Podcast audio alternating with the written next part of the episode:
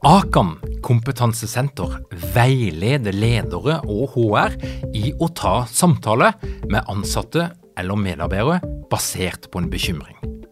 Akan setter ledere og medarbeidere i stand til å forebygge og håndtere en problematisk bruk av alkohol, narkotika, legemidler, spill eller doping blant ansatte. Ønsker du å lære mer om god forebygging og gjennomføring av samtale med en som du er bekymra for? Da kan du nå få tilgang på Akan sitt digitale samtalekurs til spesialpris, kun 760 kroner. Målet med kurset er å gjøre deg tryggere i det som kan være en krevende, men viktig samtale å ta i lederrollen. Du får tilgang til kurset med å gå til samtalekurs.no, samtalekurs.no, og bruke kampanjekoden LEDERPODDEN. Tilbudet gjelder ut april.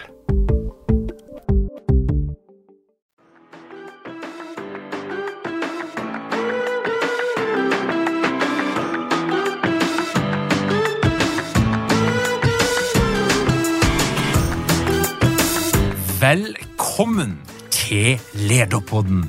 Mitt navn er Tor Åge Eikerapen. Jeg jobber som organisasjonspsykolog, og dette her er en podkast om ledelse. Og i disse dager så starter sannsynligvis flere tusen ledere i sin første lederjobb noensinne.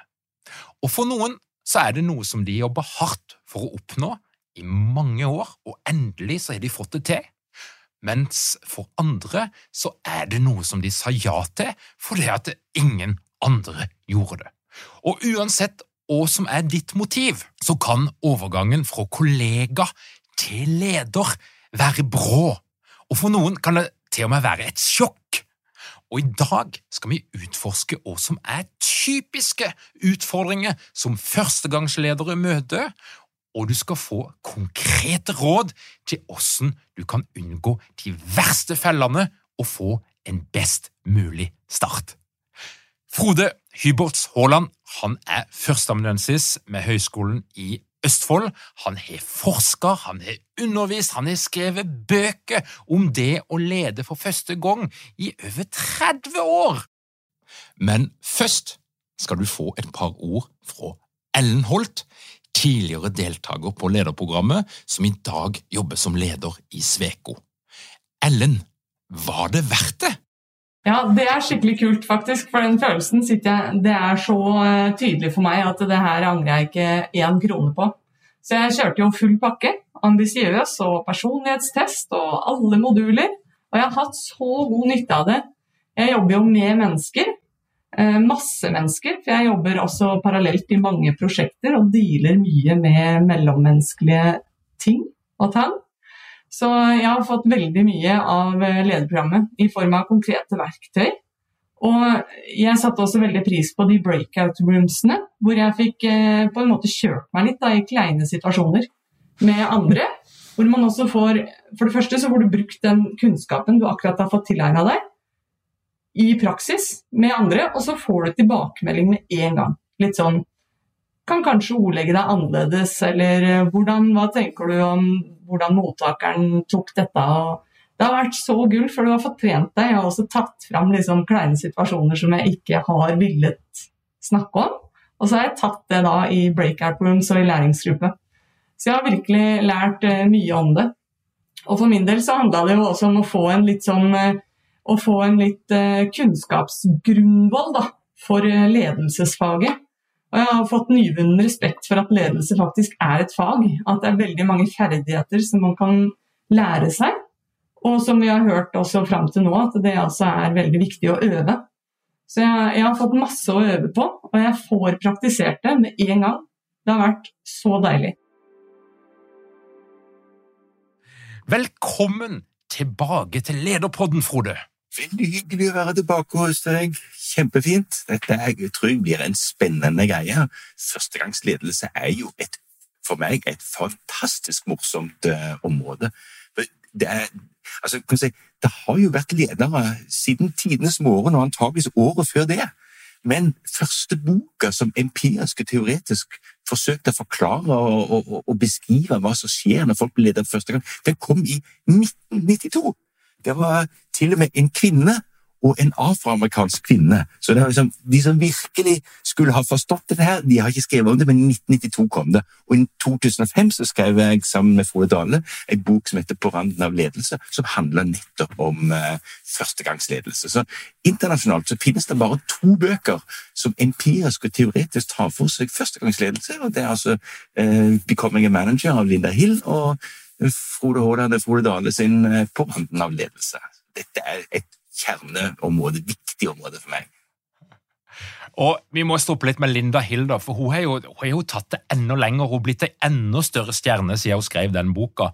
Eh, den her Collective Genius som hun har vært med og skrevet, blant annet. Men, men, men Frode, før vi begynner å, å gå langt inn i den historien For de som ikke kjenner det, og så, hva er det som er din faglige lidenskap? For jeg vet at du er en mann med, med pasjon og med sterke meninger om mangt, men hva er det som driver deg? Det som driver meg, det er eh, når jeg snakker med ledere og, og opplever deres livssituasjon og ledelsessituasjon, og så tenker jeg at du kunne ha kommet så mye lenger hvis du hadde tenkt bitte litt klokere. Det er min jobb. Min ambisjon er rett og slett å få folk som allerede er gode, eller som ser for seg å bli gode, til å bli enda bedre. Og Det tenker jeg at vi kan gjøre med å forske og skrive bøker og lære om et felt. Så jeg er stadig nærme Spennet mellom teori og praksis. Alle sier de er der, og alle er jo for så vidt der, men jeg tenker jeg forsøker å være så eh, ta så godt utgangspunkt i hverdagen til folk som overhodet mulig, og så si hvordan kan vi forstå dette på en måte som gjør at vi håndterer det bedre. Og så møter jo jeg på noen av det som sier ja, men hva er det så, som er så spesielt med det å være leder? Altså, Hvorfor skal de ha noe eget opplegg? Hvorfor skal de være eh, noe helt annet enn det å være en vanlig medarbeider? Og hva, hva, er greia med det å bli leder? Hva er det som er så spesielt med det, Frode? At du nesten har via hele din karriere til dette her temaet? Ja, nei, altså, ledere er jo eh, Det er jo et, en rolle som alle andre roller. Og Hvis du skal kjøre en gaffeltruck, så skal du ha sertifikat for å kjøre gaffeltruck. Skal du kjøre traverskran, så må du ha sertifikat for det. Eh, skal du kjøre båt som går fort, så må du òg ha et sertifikat for det. Eh, men du trenger altså ikke noe sertifikat for å bli leder. Det er litt pussig, for det at de som skal lede de menneskene som holder på med traverskraner og uh, gaffeltrucker og sånne ting, de, de skal, trenger du altså egentlig ingenting for. Så jeg tenker det å hjelpe ledere som altså, antagelig er flinke og hyggelige og greie folk allerede, men hjelpe dem å tenke klokere, forstå sin eh, verden bedre, det er en viktig, viktig ambisjon for, eh, for, meg. Så de skal ikke ha noe det, er ikke noe mer sånn særegent enn andre. Det er egentlig akkurat som alle andre. De har behov for kompetanse. Mm. Og så er det jo det da som ligger i ledelsens natur, både formelt og uformelt. Det er jo at du som oftest iallfall, har ansvar for andre mennesker, og du har en ganske stor påvirkning på andre menneskers hverdag, på andre menneskers liv. Og Derfor tenker jo jeg da at det, jo, vi kan godt si at folk er folk, og, og, og, og i en virksomhet så er alle viktige, alle må til, men det er noe særskilt med det ansvaret som du faktisk sitter med, på godt og vondt. Det gjør, legger jo bare nok et lag av viktighet i forhold til, til det å gi eh, gi ledere kompetanse og utvikle ledernes eh, kompetanse. Eh, og Det er noe av det som jeg syns er det paradoksale. Folk blir plassert inn i, eh, i lederroller, og så er det ingen som etterspør ja, hva det nå du trenger for å kunne fylle denne rollen. Altså, Nå har du fått noen ganske store sko. Hva skal du fylle de skoene med? Når jeg var ung, så hadde vi bomull i tåa når skoene var, var, var, nye, fordi at vi kjøpte de litt for store. De skoene du skal inn i som leder, de er ganske store. Eh, hvordan skal du få dette til på en best mulig måte? Og så er det slik at lederen vanligvis ikke får kompetanseutvikling, lederutvikling, før de har vært leder i noen år. Men jeg tenker, det er kjemperart. Hvor, hvor i all verden tar de det for at du skal måtte, måtte være leder i to-tre år for å få noe kompetanseutvikling på ledelse? Jeg mener, tenk sånn, Når du lærer å kjøre bil sant? Det er jo ikke sånn at det er liksom, her er bilen, her er bilnøkkelen, og kjør i vei, så kommer du tilbake om to-tre år. Da skal du få en kjøreskolelærer og dobbelt dalsett og, og noe hjelp. Sånn, Vi sørger for at folk er rusta best mulig allerede i utgangspunktet. Sånn bør vi òg tenke omkring, eh, omkring eh, ledelse og førstegangsledelse, tenker jeg. Folk er ulike, ledere er ulike, virksomheter er ulike, men hvis vi skal generalisere litt, da, hva er det som ofte gjenger galt, hvis vi ser det ifra lederens perspektiv, og er smerten som en del kan kjenne på når de tar en lederjobb for første gang? Jeg skal ta en liten omvei. Fordi at uh, hele uh, forskningen omkring uh, førstegangsledelse det starta med egentlig et, et forskningsprosjekt der vi skulle se på hvordan lærer du ledelse når du er leder. For Vi vet veldig mye om at folk lærer ikke lærer når de går på kurs og sitter på skolebenken. og sånne ting. Og det er jo egentlig veldig trist hvor lite folk lærer, og hvor mye feil ting folk lærer når de går på skolen. Spesielt for meg som da driver med, med utdanning. så er det litt trist. Men så, så tenkte vi nei, la oss undersøke hvordan er det ledere selv beskriver sin egen læringsprosess over tid. Og, og, og vi samla inn masse intervjuer og, og eh, hadde litt sånn utfordringer med å, å sortere og forstå hva var det egentlig som skjedde. Og så eh, kom den situasjonen som liksom åpner boka på Randa ledelse. Jeg bare lese begynnelsen på den. Mannen foran oss er tidlig i 60-årene og har nettopp fått en blussende rødfarge i ansiktet. Han ser ned i bordplata mellom oss. Når han begynner å snakke igjen, aner vi en svak skjelving i den tidligere så rolige røsten. Han bretter skjorteermene ned, for kroppen hans forteller ham at det er blitt kjølig i rommet. Altså, det er sånn der bane, altså det, det virkelig sånn der, fikk bare sånn, den klubber rett i huet. Her hadde det skjedd noe. Og Det, det er litt sånn svaret på det, de spørsmålene. Hva er det som skjer med folk? Jo, det skjer noe i de og med de. Og vi hadde litt utfordringer med i starten med å forstå hvorfor var dette så vanskelig for han. Hvorfor ble en godt voksen, erfaren leder hvorfor ble han mentalt satt ut av spill eh, når han skal fortelle en historie? Så, ja, men det vi spurte han om, det var hva var det som skjedde når du ble leder første gang. Det var det vi hadde spurt om. Det betyr altså det å bli leder første gang, det kan sette folk fundamentalt ut av spill, selv om de seinere viser seg å være rolige og, og, og, og, dyktige og alle mulige ting. Sånn det, det som skjer når du blir leder først, er at du blir satt i en inkompetansesituasjon. Du skal være satt til å gjøre noe du egentlig ikke er preppa for. Og det går utover den egen selvfølelse. For dette, de som blir ledere, det er jo liksom de dyktigste fagpersonene, de som har liksom størst nettverk og eh, er ja-sigere og er liksom sier ja, nå blir vi med. Og så, altså, det er folk som har litt sånn energi rundt seg. Og så blir de plutselig plassert i en situasjon der de ikke helt får det til. Der det blir stille når de kommer inn i rommet. Der det snakkes bak ryggen på dem. Det er klart, Dette her kan være kjempetøft for folk. Det er jo ikke alle som har det like tøft, for all del, men altså, eh, alle som beskriver det å bli leder første gang, beskriver stressende ubehag. Eh, den, eh, den, eh, at de går inn i, i situasjoner, og så blir, blir, det de gjør, blir bare mislykka. Folk misforstår det, folk feiltolker det. Altså, det er eh, det å mislykkes i sin rolle, kanskje for første gang i sitt liv det er det vi snakker om når vi snakker om, om førstegangsledelse. Og det handler egentlig om veldig enkle ting. Det handler om at det, uansett hva du skal gjøre, så må du ha kompetanse. Som leder, førstegangsleder, når du da blir satt inn i en rolle du ikke mestrer, så gjør du feil. Du gjør tabber. Sånn er det bare. Og så har vi liksom ikke bevisstheten om at det er det som skjer, og så har vi ikke støtteapparat med veiledere, mentorer eller eh, kurs lederkurs som hjelper det. De blir rett og slett eh, satt ut av spill fordi at noen ikke har hjulpet dem. Det er noen som skal hjelpe dem, er jo egentlig nærmest overordnet og organisasjonen. På samme måte som vi tenker at når du skal gjøre noe annet, f.eks. kjøre gaffeltrekk, det noen som sjekker har du sertifikatet. Skal du begynne å kjøre med lastebil, har du CE-sertifikatet? Altså, det, det, er sånne ting, og det du da ikke har, det får du. Men på ledelse er det sånn at nei, vi må bare ha noen som går inn i rollen. Vi må ha noe med en gang. Uh, vet du hva som er den vanligste veien inn i første lederstilling, Torge?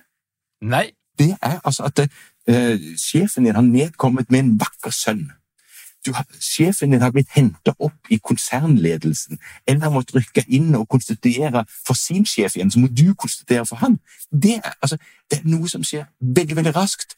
Uh, lite, lite, eller ikke planlagt i det hele tatt, og uten at folk har egentlig tatt stilling til er det her noe jeg bør gjøre, og bør, gjøre, bør gjøre nå.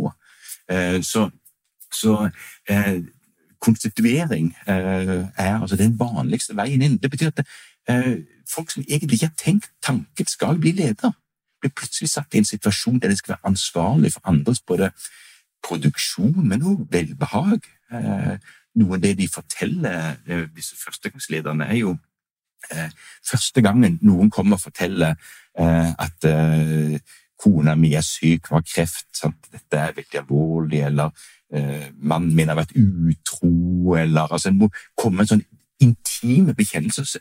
Skal jeg sitte og høre på dette? Ja, faktisk. Som leder så er det en del av jobben. Folk blir veldig overrasket over ting, disse tingene. De som er bedre forberedt, de som har, et, har, hatt ledelse som en ambisjon, de har jo en helt annen type prepping for det som skal skje. En helt annen potensial for det. Og har ofte òg hatt noen samtaler med sin egen leder eller med HR og liksom fått bygd opp noe sånn eh, repertoar allerede.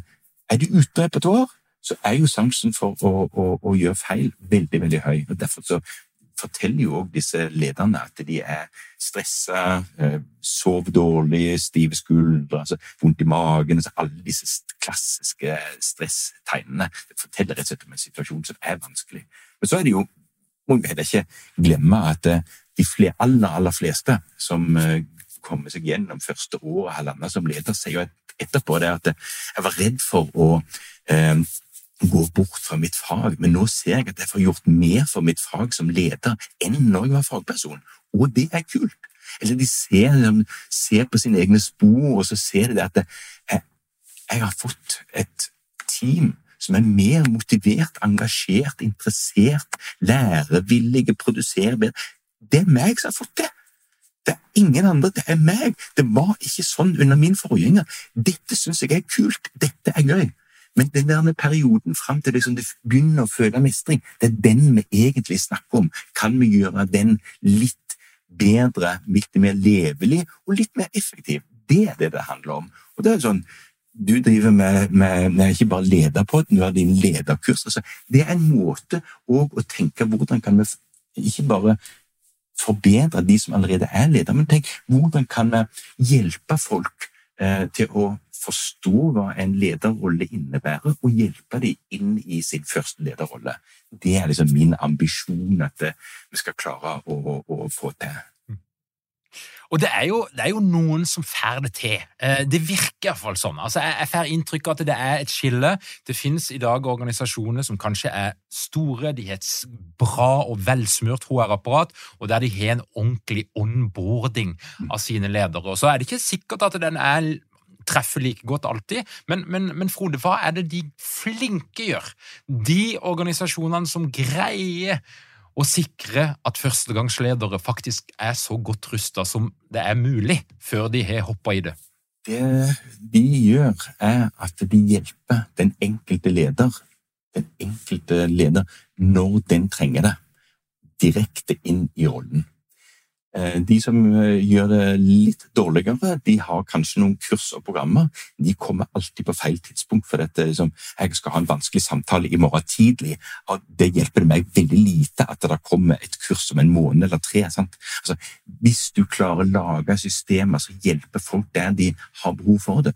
Og Det betyr altså at eh, de, de, de som er gode på det, de driver med veiledning eller kall det coaching eller mentoring, eller hva det nå er for noe. Altså, rett og slett en samtalepartner som jeg kan diskutere med. Det er nøkkelen, fordi at læringsbehovene følger ikke kalenderen. De følger de konkrete utfordringene. Hva er det jeg møter akkurat nå? Hvordan skal jeg gjøre det? Og egentlig så altså, Vi snakker både om um, hvordan er det organisasjoner kan gjøre det bra, men vi må også tenke på hvordan kan de nye førstegangslederne gjøre det bra. Det er også de som da tør å si La meg tenke meg litt om. Altså, gi den den lille pusten. Altså, er det noe ledere vanligvis lærer seg, så er det liksom hvordan kan jeg få folk til å holde kjeft lenge nok til at jeg får tenkt meg, tenkt meg om? Sånn at jeg, jeg, jeg, slipper å respondere bare sånn fra toppen av hodet, eh, som ofte vil være en feilvurdering. Men la meg få tenke meg om. Så noe av det som, som, som gode eh, ledere eh, jo får til, nettopp å skape seg et tankerom Eh, der de får anledning til å, å, å vurdere litt mer sånn, eh, sånn gjennomtenkt. Mm. Jeg, jeg, blir litt, sånn, litt bekymra, for jeg tenker jo på hva er en normal psykologisk, menneskelig respons hvis du føler deg usikker, inkompetent, rådvill? Der har vi jo litt ulike strategier. Ja, det er, du kan si det er to, to ytterpunkter her Det er noen som blir bare oversikre.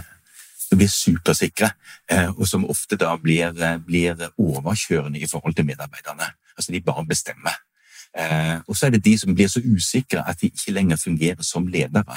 Det er noen andre uformelle ledere som liksom tar rommet, tar plassen. Og som skaper usikkerhet. Hvis det er ei arbeidsgruppe, et team, som, som, ikke er så sikre i seg selv, så har de heller ingen steder plutselig å henvende seg. Så dette, de ytterlighetene altså blir enten veldig sånn overstyrende, eh, sjefete, eller ikke lenger være leder. Det er liksom ytterpunktene på skalaen. Og det, det jeg syns er spennende, det er når folk kan pendle mellom de to ytterpunktene. At de, de, de, liksom, de kommer med en sånn beslutning som sånn, sånn angrep på Pearl Harbor, så kommer de sånn boom, og så slenger de noen beslutninger på, og så er de borte igjen eh, fordi de vet ikke hva de skal gjøre. Og så kommer de tilbake med en ny voldsom beslutning. Så det, det er ulike sånne strategier, og det, det, handler nettopp om denne personlige usikkerheten, manglende kompetanse. Så forsøker du å, å gjøre det så godt som overhodet mulig. Og jeg tenker i alle fall sånn at det, med, med, det er mulig å hjelpe folk på, på, relativt enkle måter. For det handler nettopp om å la folk forstå hva er det der handler om. Og Linda Hill sitt utgangspunkt er jo at folk kommer fra en rolle som fagperson. De elsker et fag. Jeg er ingeniør, jeg er sykepleier, jeg er politi, hva det måtte være. Og så skal jeg plutselig bli leder for sykepleiere, ingeniører og hva det måtte være for noe da er det noen andre ting som gjelder. Da går du fra en rolle der du får gjort ting for egen maskin, til eh, det handler om hva klarer du for andre til å gjøre. Og Linda Hill kaller dette for et identitetsskifte, for det handler om hvordan jeg tenker og forstår verden. Og hvis du ikke forstår verden annerledes, agerer du på basis av den forrige rollen og da fyller du lederrollen på en dårlig måte. Da fortsetter du altså Jeg har hatt, jeg hatt eh, ledere som ikke har gjennomført det der identitetsskiftet, og de, de fortsatte jo å gjøre akkurat det samme, bare det at de var sjef innimellom. Det er veldig veldig vanskelig. Jeg kan få tilbake sånne skriv, jeg husker jeg lagde sånn et strategidokument og fikk tilbake med alle ordskrivingsfeilene tilbake. Det var ikke det jeg hadde behov for. Min sjef jeg hadde behov for noen som sier ok, nå har du skissert eh, to alternativer. Eh, hvordan skal vi framstille dette her for styret? Det er det jeg hadde hatt behov for en diskusjon om. Eh, men isteden kom ordrettingsfeilen. Altså det, det, er en feil måte å fylle lederrollen på. Det handler rett og slett om at du har ikke skjønt hva er det som skal til for at du skal få andre til å gjøre en god jobb. Så dette, denne overgangen fra å være fagperson til leder, det er et identitetsskifte. I det så ligger det fire sentrale læringsutfordringer. To av de er liksom kjerneområdene for psykologene. Det handler om å lære seg selv å kjenne. Altså, hva er mine styrker og svakheter i forhold til denne rollen? Hva er det jeg har å bygge på? Hva er liksom Syke bestemødre, ømme tær, når er det jeg blir vanskelig, når er det jeg, jeg de, de, tingene som jeg er skrudd sammen når, når er det det er, er, er godt for mine, mine underordnede, når er det det er dårlig? Eh, og det andre området der handler om hvordan håndterer du stress, ubehag og altfor mye å gjøre. Så det, det, det å håndtere stress er jo en sånn, et delområde av det å lære seg selv å kjenne. Det, det, det er den, den psykologiske sida av det. Men så er det òg to andre områder. Det første er jo at du blir leder for en organisasjon. Du må lære å forstå organisasjonen. Kommer du fra en fagpersonrolle, så er du veldig opptatt av ditt eget fag og de tingene som foregår der. Plutselig så er det økonomi, så er det HMS. Og så er det medarbeidersamtale. Hvordan henger min avdeling sammen med andre? Det må du forstå. Du må forstå kulturen, du må forstå arbeidsgiverrollen, du må forstå strategi osv. Altså, alt dette tar jo tid å utvikle seg, lære. Eh, og det er dette området som, som, Er du ikke mange ledere uten trening eller utdannelse innen ledelse?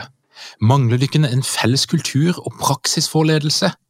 Ønsker du dere å være bedre rustet for fremtidig vekst og endring? Da kan et internt lederutviklingsprogram være en god investering.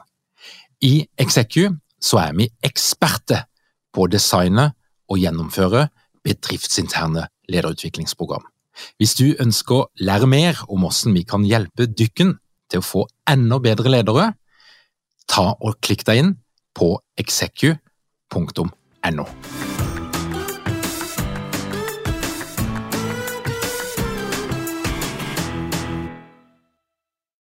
førstegangslederne er mest bekymra for. Jeg tenker, Hvordan i all verden skal jeg få til Zapp? Zapp er jo en sånn en oppfinnelse eh, som er gjort i fellesskap av Belsebub og svigermor. Altså, det, det, er fryktelig vanskelig å, å, å få det greiene der til. Eh, og, og, så er det det de er bekymra for. Jeg har aldri gjort en medarbeidersamtale før. Eh, hvordan i all verden skal jeg gjøre det? Og, altså, det er mange sånne tekniske ting. Det er de folk bekymra for. Men det de alle sammen sier er vanskelig, det er å lede andre mennesker. For folk reagerer så forskjellig, folk er så ulikt motiverte. Noen er høyt motiverte, men ikke spesielt kompetente. Eh, noen er høyt motiverte eh, og, og høyt kompetente. Det er alle mulige slags folk, og så skal du lede alle sammen. Og Det er jo interessant, syns jeg, iallfall når, når ledere sier at jeg, De fleste ledere sier faktisk at jeg har en og annen eh, medarbeider som jeg aldri ville ha ansatt sjøl fordi at eh, vedkommende ikke er dyktig nok, eller hva det måtte være. Eh, men når du har de som ansatt, så har du de som ansatt. Da må du lede dem. Og da blir spørsmålet hvordan kan jeg få litt mer ut av det? Hvordan kan jeg få litt mer engasjement, kan jeg få litt mer kompetanse, litt mer produksjon, litt mer entusiasme? Hva det måtte være. Og det å lære de triksene, og lære hvordan folk uh, fungerer på litt ulike måter så Det som virker i forhold til én, virker ikke i forhold til en annen. og Det er noe av det, det som Den flertydigheten der er noe av det som tar tid å, å lære. Så det er altså fire læringsområder. Lære å lede en organisasjon, lære å lede andre mennesker, lære seg selv å kjenne, og lære å håndtere stress og sterke følelser. Ledere er jo liksom satt for å håndtere Alle som er sure, forteller det til lederen sin. Sant? Hvis de er glad, så får antageligvis ikke lederen høre den gangen. Så det er sånn, det bildet som folk skal, skal inn i. Hei, jeg heter Bård Fyhn. Jeg jobber på Norges handelshøyskole, der jeg forsker på psykologisk trygghet i teamarbeid. Min bakgrunn er fra Forsvaret, der jeg har eh, lang erfaring med å jobbe med praktisk ledelse og teamutvikling. Nå brenner jeg for å gjøre forskninga praktisk tilgjengelig, forståelig og anvendbar. Til høsten skal jeg delta på lederprogrammet. Det gleder jeg meg til, og jeg håper å se deg der.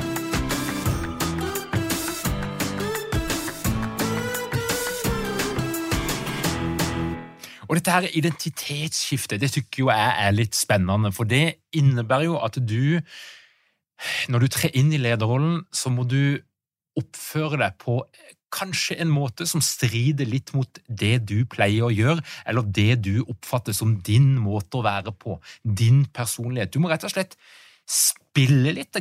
Du må, du må agere på en, føl, på en, måte som kan føles unaturlig, rar, overfladisk. Det er ikke helt meg. Og så må du gjøre det helt til det faktisk blir det. ja, sant. Det er, det, men, men det, altså, mennesker, som mennesker så har vi jo et veldig stort potensial for å agere på ulike måter. Selv den største tøysekoppen eh, kan være eh, alvorlig i en begravelse.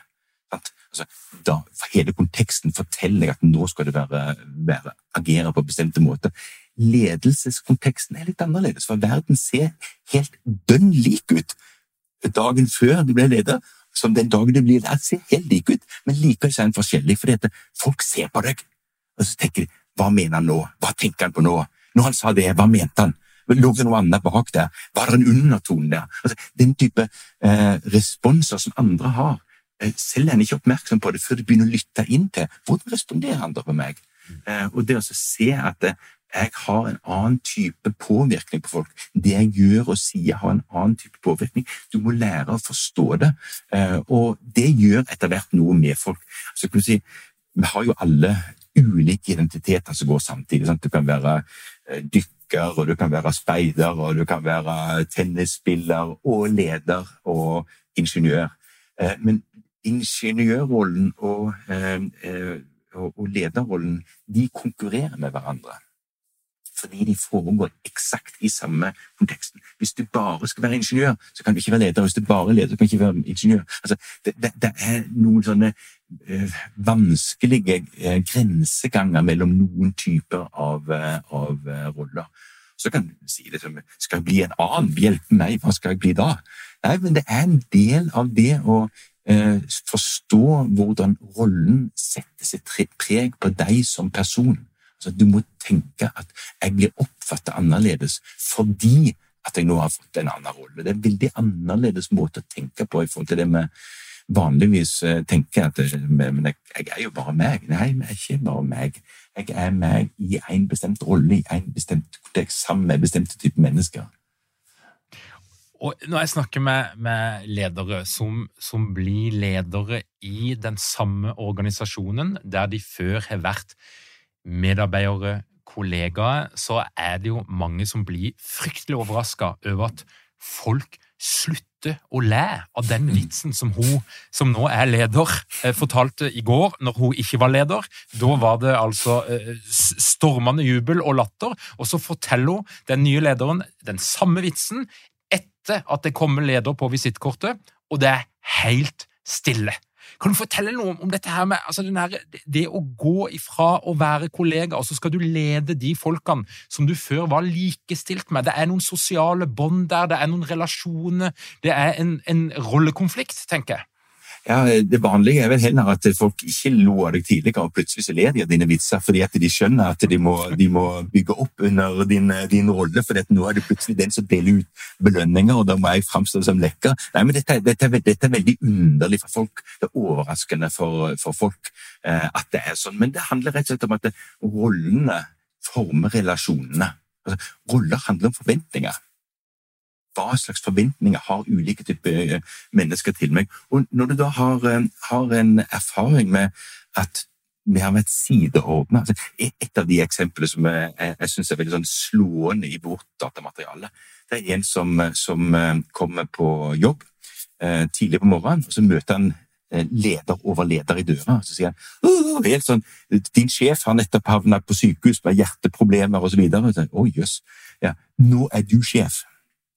Å oh, ja, ok. Og hva hadde han og sine tidligere kollegaer da gjort på fredag? Da hadde de vært på fest og hatt en sånn afterwork, som betyr at det er altså, kollegaer som drikker litt for mye og gjør, sier litt for mange teite ting.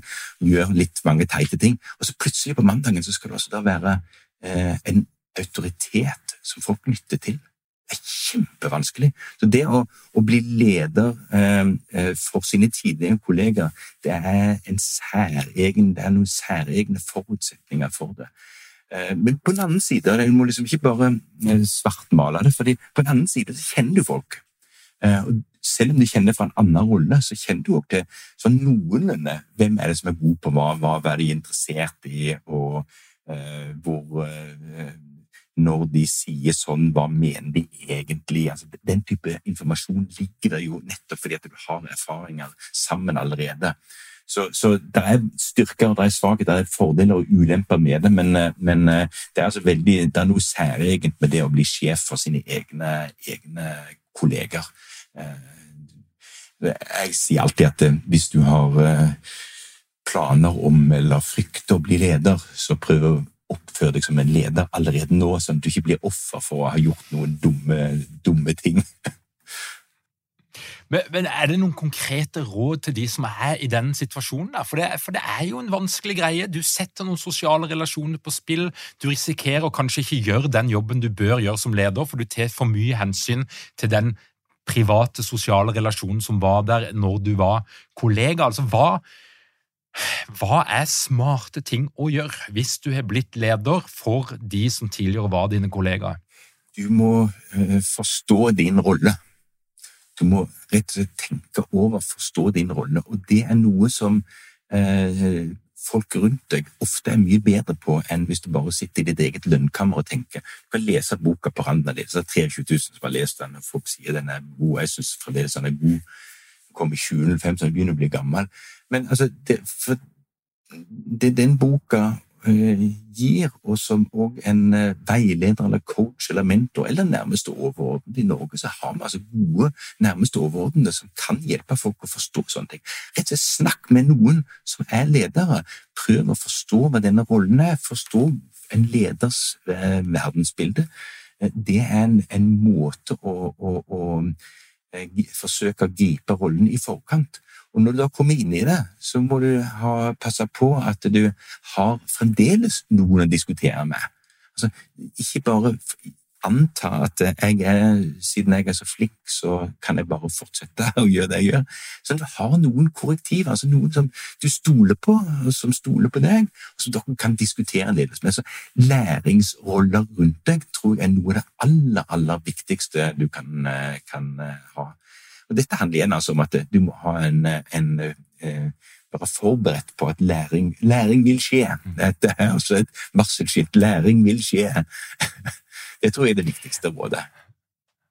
Ja, og det varselskiltet, kan det komme i form av altså, Bør en holde en liten prat med sine tidligere kollegaer for rett og slett å bare markere og forklare at eh, nå har jeg gått inn i en ny rolle, jeg vil oppføre meg litt annerledes, jeg må ta andre typer hensyn, jeg må ta andre uh, valg, og det kan oppleves som at jeg blir litt annerledes, eller at jeg kanskje uh, skuffer noen som har forventning om at jeg skal være den samme, eller altså, Og eksplisitt bør en være. Ja, hvis du, hvis du, allerede har skjønt noe av denne rollen, så er det mulig å ta en slik eh, samtale. Og, og folk, folk, flest er jo ganske kloke. Altså når, du, når du bare tematiserer det, så skjønner folk poenget. Eh, men det betyr jo ikke at de er like happy alltid. altså Det kommer jo noen sånne konflikter. Eh, slik er det. Men altså, det at du har reist problemstillingene veldig tidlig, som du har fått snakke om det og få tatt det i fred og ro før det er en konflikt, det gjør en, eh, en forskjell. Så eh, bruk, eh, bruk nærmeste overordnede eller coacher eller veileder eller hva det måtte være, og, og bruk òg eh, medarbeiderne til å, å spille, spille, sammen med. Folk er kloke, folk er hyggelige, folk er greie generelt. Mm. Er, jeg tenker på at det er to faser her. Det ene er jo før du faktisk takker ja til jobben. Eh, og så er det når du er i gang. Og så er det jo sånn som du sier, at veldig mange blir jo, de kommer jo inn i lederrollen litt sånn bak veien. Det er noe midlertidig over det, og derfor så setter vi ikke i gang et apparat. Vi gjør ikke alle de her tingene, aktivitetene som vi kanskje burde gjøre, for det er bare midlertidig, og så blir det gradvis mer og mer permanent. Men i en situasjon der du har mulighet til å sette noen krav før du gjenger inn i lederrollen. Hva bør nye ledere kreve av sin arbeidsgiver? De bør eh, kreve eh, kursing. De bør f.eks. gå på lederkurset til Eikerapen. Altså det, det, det, er én måte. Det finnes mange den type kurs. Eh, en hvilken som helst utdanning er jo sånn at det er bare en utdanning. Du blir jo ikke nødvendigvis en bedre lege av å gå på, gå på, gå på kurs, men det er én av mange forutsetninger. Det å bli leder, akkurat det samme. Du blir ikke god leder av å ha tatt en lederutdanning, men det er altså en forutsetning for å kunne forstå det som skjer. Så det å eh, ta seg noen kurs, eh, noe veiledning, noe utdanning innenfor ledelse, organisasjonene burde tilby det, og folk bør ta det det vil være et godt, eh, godt utgangspunkt. Og så kommer det da, når det da brenner, så må folk ha støtterollene rundt seg, hjelpen eh, med seg. Så det å kreve kurs, utdannelse så fort som mulig, og det å kreve òg å ha en form for mentor. Mm. Uh, og så er det jo ofte sånn at nærmeste leder er jo fryktelig opptatt. Ja. Nærmeste leder er jo, er jo, Kapasiteten er sprengt, kalenderen er full. Så, så, men så det må jo være noe mer enn at ja, bare kom til meg når du trenger det. Vi må jo, Nærmest Lederen må jo presse seg på. Vi har, eh, det, er, altså, det er litt interessant at eh, hvis du skal tenke, Hva er en mellomleders viktigste rolle? Det er å få sine underliggende ledere til å virke. hvis underliggende ledere virker, så vil mellomlederen fungere. Det er hans viktigste jobb, men han blir altså, eller hun blir da stadig dratt bort i alle mulige slags strategiske møter og, og, og administrative gjøremål, ikke minst masse rapporteringer. Men det er faktisk ikke det viktigste. Den viktigste jobben som eh, nærmest ledere kan gjøre, er å få sine underliggende ledere til å virke. Den koden der er det veldig få som har, eh, har knekt. Noen, noen, eh, selskaper er jo veldig sånn prega av dette kvartalsresultatsspøkelset, som jo gjør at du tilgir tabber og feil fordi at resultatene blir bra. Men det som er viktig på sikt, det er jo faktisk at lederen virker, at medarbeideren virker, at alle er happy med hverandre, at en lærer, utvikles, kvaliteten er god. Det er de viktige tingene, men det ser de ikke på kvartalsresultatet. Sånn, at det, eh, og Mange organisasjoner er altfor sånn kortsiktige i sin tenkning om hvordan kan vi dressere våre ledere til å bli bedre. Istedenfor så dresserer de til å bli stadig dårligere. Eh, er det andre ting som, som førstegangsledere bør gjøre sånn konkret? Du har jo sagt mye om det allerede, men hvis vi skal prøve å oppsummere det i noen sånn konkrete aksjonspunkter, hva er det du bør foreta deg når du faktisk er i gang, og du er på jobben? Du må gripe rollen. Altså handling. Du lærer av erfaring. Du må handle. Men du må òg tenke over, reflektere omkring dine handlinger. Eh, og du må ha en læringsåpenhet. Det er tre individuelle forutsetninger for læring. Det betyr altså at du må skjønne at jeg skal lære. Du må bruke tid på det. Du må, må fokusere på det. Og du trenger hjelp fra andre. sånn at Hvis du ikke blir tilbudt hjelp, så må du be om hjelp. Og du må be om eh, tilbakemeldinger. Og den tilbakemeldingen kan du altså få fra alle menneskene rundt deg. Eh, og, og eh, om folk er fornøyd eller misfornøyd, så er ikke det viktigste om folk er fornøyd eller misfornøyd, men hva du kan lære av det. Sånn at det, Bruk alle aktørene rundt deg til å forstå noe mer om hvordan er det jeg fungerer, hvordan blir an, hvordan responderer andre på det? Hva er det de liker, hva er det de ikke liker? Og så blir spørsmålet hvordan kan jeg da justere mine handlinger på, på dette, dette, grunnlaget. Så må en huske på at den viktigste prediktoren for læring det er jo faktisk tid.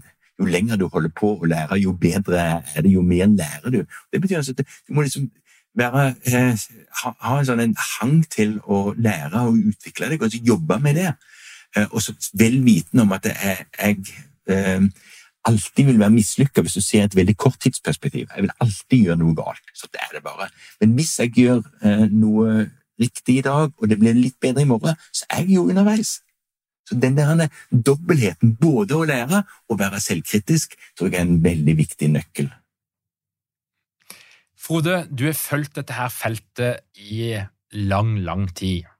Kan du si noe om utviklingstendensen? Hva er det som skjer der ute på norske arbeidsplasser? Er det, er det bedring? Er det stende stille? Hva, hva, er, hva, er, det som skjer? Vi har fått en, eh, en, eh, mye større vekt på ledelse og styring gjennom de tre, drøyt 30 årene som jeg har vært i høgskolesektoren. Eh, og, det betyr at en dyrker en bestemt type lederrolle vi har fått en eh, nedgradering av fagforeningene sin rolle. Det skyldes både arbeidsgiver- og arbeidstakerside. Eh, jeg syns det er synd, fordi at det samarbeidet mellom fagforening og ledelse har vært en veldig viktig forutsetning for å dyrke god ledelse. Det har hjulpet oss å komme, komme videre og korrigere både når ledere gjør noe galt, og når medarbeidere gjør noe galt. Det har vært et sånt samarbeidsfenomen. Det, så det er en redusert effekten eh, av, eller betydningen av fagforening. Det, det syns jeg er veldig synd, og det er en veldig sånn påtakelig.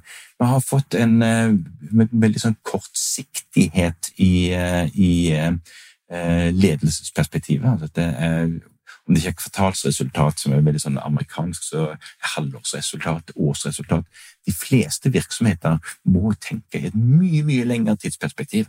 Eh, fordi eh, det er det som kommer til å skape gode organisasjoner over tid. Vi har vært altfor lite flinke til å investere i god ledelse. Vi har investert, eller hatt utgifter på eh, lederutvikling, det som jeg ofte kaller for lederinnvikling. Altså at vi eh, lærer folk opp i noe og eh, snakke om noe, men det kommer veldig liten grad inn på arbeidsplassene. og det, det, er vel kanskje et av de stedene der det begynner å skje noen, eh, noen uh, vesentlige endringer med ulike digitale løsninger som gjør at vi kan få noe bedre integrasjon med, med hverdagen. Men jeg ser jo òg i høyeste grad faresignalene. Der alt blir lagt ut på internett, og det er bare å spille av en video. Og når folk har spilt av nok videoer, så er de liksom per definisjon gode ledere. Jeg tror vi må, Når vi har fått disse eh, digitale systemene, så må òg de analoge samtalesystemene bli annerledes og mye, mye mer eh, sterkere profilert mot bestemte typer formål. Mm. Jeg vet ikke om det er en sånn en god oppsummering av de siste 30 årene. Veldig bra, Frode. Er det, er det, noe som eh, du eh, har lyst til å melde ut, og som ikke er gitt anledning til så langt? Ja, det, er, har, det ligger vel i underteksten hele veien. Eh, all, all lederutvikling starter med å bli leder første gang. Det folk lærer og ikke lærer, når de blir leder første gang. Det er det vi kommer til å glede oss over, eller akka og oie oss over ever after. Så hvis du skal jobbe med lederutvikling, så hjelp førstegangslederne til å bli best mulig. Da har du et godt utgangspunkt eh, for et godt og langt eh, liv for den enkelte leder. Og vi slipper da òg å, å miste, de, eh, miste de underveis. Det er noe av det triste, syns jeg, når potensielt gode ledere eh, syns at det er så tøft at de eh, avslutter sin lederkarriere før de egentlig har starta. Og så handler det egentlig bare om eh, eh å gi seg sjøl tid, og gi seg sjøl rom, og at organisasjonen gir rom.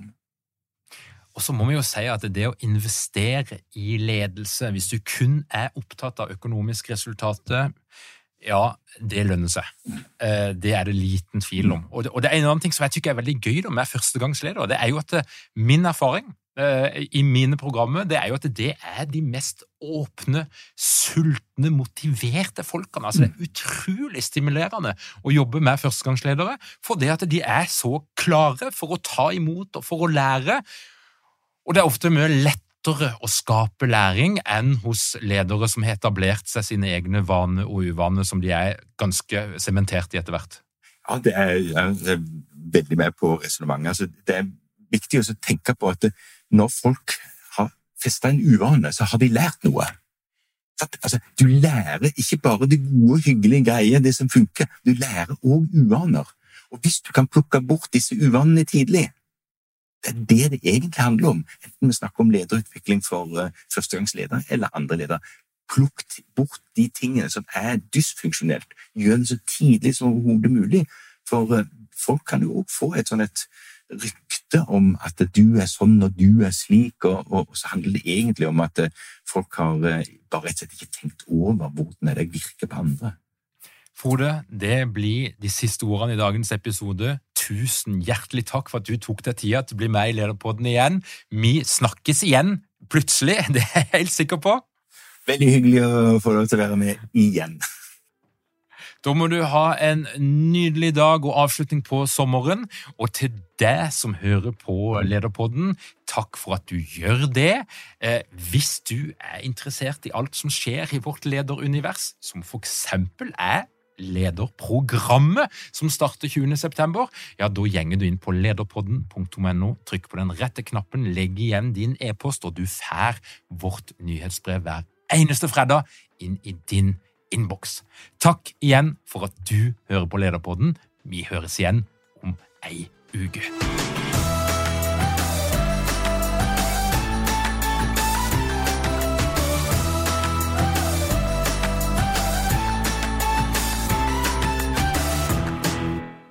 Lederpodden er gitt til deg av Execu. Vi tilbyr leder- og ledergruppeutvikling som gir effekt. Les mer på execu.no.